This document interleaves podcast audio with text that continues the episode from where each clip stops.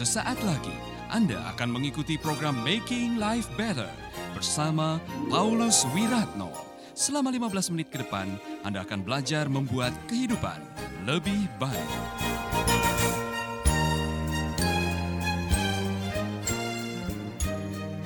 Nah, mari kita akan lihat iman yang mendatangkan pujian dari Tuhan Yesus yang seperti apa. Lalu Yesus pergi dari situ dan menyingkir ke daerah Tirus dan Sidon di luar Israel. Maka datanglah seorang perempuan Kanaan dari daerah itu dan berseru, Kasihanilah aku ya Tuhan anak Daud. Karena anakku perempuan kerasukan setan dan sangat menderita. Perhatikan baik-baik responnya Tuhan Yesus. Tetapi Yesus sama sekali tidak menjawabnya. Ini aneh sekali. Biasanya Yesus selalu memberikan tanggapan untuk orang-orang yang membutuhkan pertolongan. Masih ingat Bartimeus? Waktu dia berteriak dengan nada yang sama, Son of David, have mercy on me. Yesus anak Daud kasihanilah aku. Yang lain-lain marah, Yesus berhenti dan mengatakan panggil dia. Kali ini Yesus tidak menanggapi. Dengar baik-baik. Lalu murid-muridnya datang dan meminta kepadanya, suruhlah dia pergi. Ia mengikuti kita dengan berteriak-berteriak. Dengan kata lain, ini orang ini ngikuti dari belakang sambil berteriak-berteriak. Saya bisa membayangkan saudara, jadi Yesus dengan para muridnya lagi jalan menuju ke sebuah tempat dan wanita ini dari belakang. Saya, saya yakin wanita ini punya pemahaman, punya pengertian. Dia pernah mendengar siapa Yesus. Jadi dia tidak malu walaupun dia bukan orang Yahudi. Dia berteriak dari belakang, Yesus anak Daud, kasihanilah kami. Anakku kerasukan setan dan dia sangat menderita. Yesus anak Daud. Saya yakin telinga para murid ini terganggu. Dan Yesus tidak menanggapi teriakan wanita ini. Tetapi wanita ini terus berteriak, berteriak, berteriak. Itu menunjukkan bahwa dia tidak menyerah dengan keadaan. Saudara-saudara, iman yang pada akhirnya dipuji oleh Tuhan. Nanti saudara mendengarkan kalimat berikutnya di sini. Jawab Yesus, aku diutus hanya kepada domba-domba yang hilang dari umat Israel. Kalimat ini tidak enak didengar oleh wanita ini. Memang wanita ini bukan orang Israel. Ya kan? Tapi dia tidak menyerah, saudara-saudara, dengar baik-baik. Tetapi Perempuan itu mendekat dan menyembah dia sambil berkata, Tuhan tolonglah aku. Dia masih terus meminta. Tetapi Yesus menjawab, tidak patut mengambil roti yang disediakan bagi anak-anak dan melemparkannya kepada anjing. Waduh, sudah pakai bahasa yang sangat tidak bagus. Bahasa yang merendahkan. Kata perempuan itu, benar Tuhan. Namun anjing itu juga makan remah-remah yang jatuh dari meja tuanya. Wow, dia masih tidak menyerah, saudara-saudara. Maka Yesus menjawab dan berkata kepadanya, Hai ibu, besar imanmu. Maka jadilah kepadamu seperti yang kau kehendaki. Dan seketika itu juga anaknya sembuh. Saudara-saudara, Matthew Henry sebagai seorang penafsir mengatakan bahwa wanita ini tidak menyerah dengan tantangan iman yang mendatangkan pujian dan langsung pujiannya keluar sendiri dari Tuhan adalah iman yang tidak menyerah menghadapi halangan. Pak John Maxwell mengatakan ada dua macam iman. Iman untuk bertahan dan iman untuk menyerang. Iman untuk bertahan adalah waktu Anda sedang menghadapi tantangan, ada kesulitan. Saudara bisa masuk kamar dan mengatakan, kuatkanlah oleh rohmu ya Tuhan. Kuatkanlah oleh rohmu ya Tuhan. Anda memohon Tuhan memberikan kekuatan melalui kebenaran iman. Imanmu sedang dipakai untuk bertahan. Tapi wanita ini tidak bertahan. Dia keluar dari rumahnya dan dia melakukan sebuah tindakan dengan menghadapi berbagai macam resiko. Saya yakin wanita ini dia sudah terbeban dengan masalah anaknya yang sering kerasukan dan dicapik-capik oleh setan menderita. Saudara-saudara sebagai seorang ibu yang baik, dia tidak ingin keluarganya menderita. Maka dia menempuh segala macam cara dengan segala macam resiko. Termasuk ketika dia tidak dianggap. Karena pada waktu dia berteriak, Yesus diam dan tidak menanggapi. Yesus anak Daud, kasihanilah kami. Dia pikir Yesus akan berhenti, Yesus terus jalan. Dia yang ikut dari belakang, Yesus anak Daud, kasihanilah kami, anak kami sedang menderita. Dia tidak, uh, Yesus tidak memberikan jawaban. Akhirnya muridnya yang berbicara, guru, guru, tolong orang ini suruh pulang. Dia sudah mengganggu kita. Nah saudara, dengar kalimat yang dikatakan tadi, ibu ini langsung tersungkur di hadapan Tuhan Yesus dan dia masih meminta pertolongan. Kemudian Yesus tidak langsung mengatakan pulanglah anakmu sembuh tidak. Eh, itu roti yang tuh anak-anak tidak bagus dikasih kepada anjing.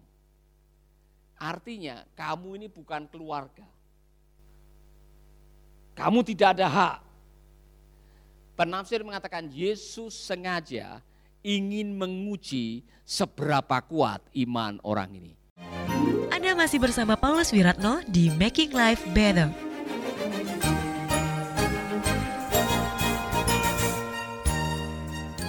maka Yesus membiarkan delay, diperpanjang. Dalam hidup ini, saudara akan diizinkan oleh Tuhan menghadapi iman Anda, menghadapi kesulitan dan diperpanjang. Tidak langsung instan jawabannya. Jelas ya? Jadi pada waktu doamu tidak langsung dijawab, jangan cepat-cepat mengambil keputusan, Tuhan tidak mengasihi saya. Salah ya kan? Sudah berdoa bertahun-tahun supaya dapat jodoh, sampai hari ini belum turun. Jangan mengatakan, oh Tuhan tidak mengasihi saya. Jangan sampai berpikir seperti itu. Karena kadang-kadang delay atau menunggu adalah saat Tuhan menguji iman Anda. Nah, iman yang kuat tidak takut menghadapi penantian. Pak Roni menanti berapa lama untuk dapat rumah sendiri? Ya, 20 tahun lebih. 20 tahun untuk bisa mendapatkan rumah sendiri. Delay. Agak lama untuk mendapatkan rumah itu, saudara. Ada yang menanti bertahun-tahun untuk bisa mendapatkan kesembuhan.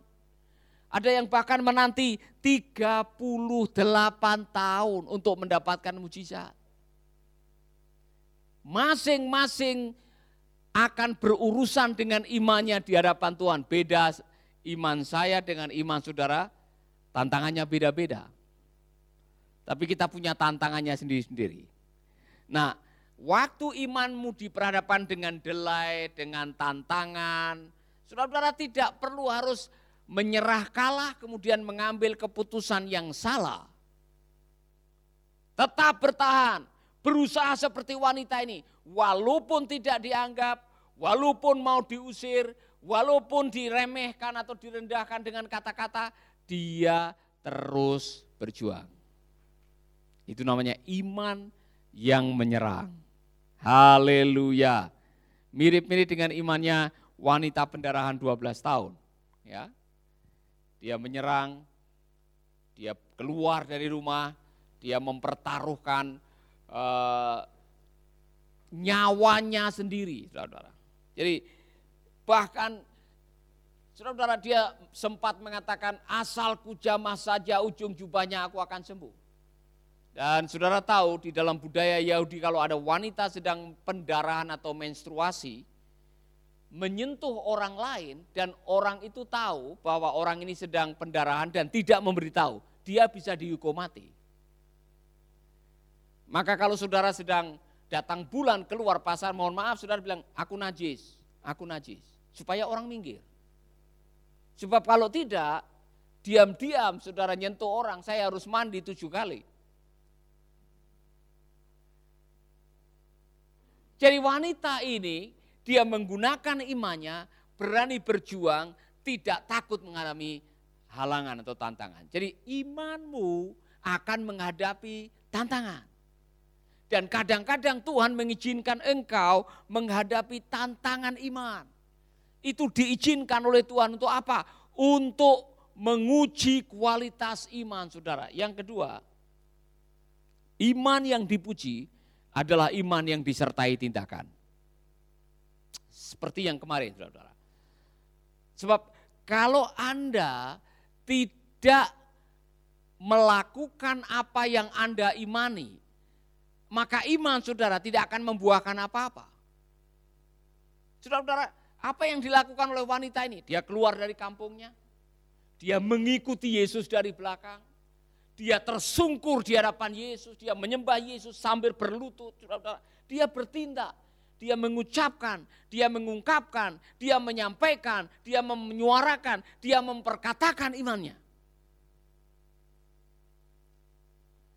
Saudara-saudara, Orang yang hanya beriman, beriman, beriman, tapi tidak melakukan tindakan, imanmu tidak menghasilkan apa-apa.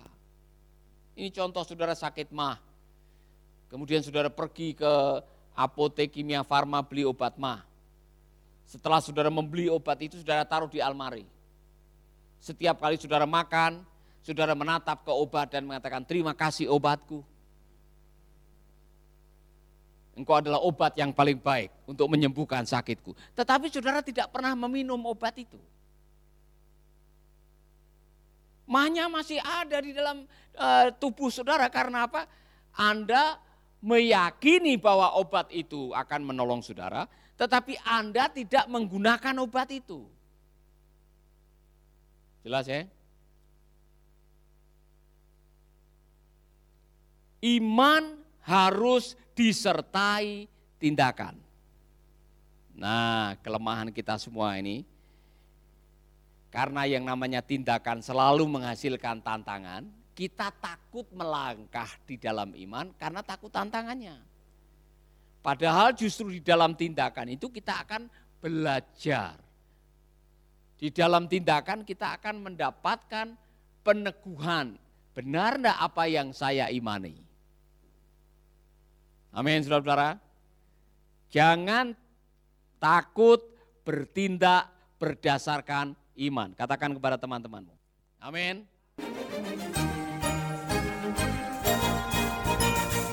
Sahabat, Anda baru saja mendengarkan Making Life Better bersama Paulus Wiratno. Jika Anda diberkati, kirimkan kesaksian Anda ke Radio Dian Mandiri Jalan Intan LC2, Gang 4 nomor 1, Denpasar, Bali. Kunjungi website kami di pauluswiratno.com, Facebook Paulus Wiratno. Hubungi kami di 0811 3901 144 dan 0811 3901 140. Sekali lagi 0811 3901 144 dan 0811 3901 140. Anda juga bisa mendengarkan program Making Life Better ini melalui handphone Anda. Download aplikasinya di Play Store atau App Store. Sahabat, mari dukung program Making Life Better ini melalui rekening BCA 6690305525. Sekali lagi, rekening BCA 6690305525 atas nama Wiratno. Terima kasih, Tuhan Yesus memberkati.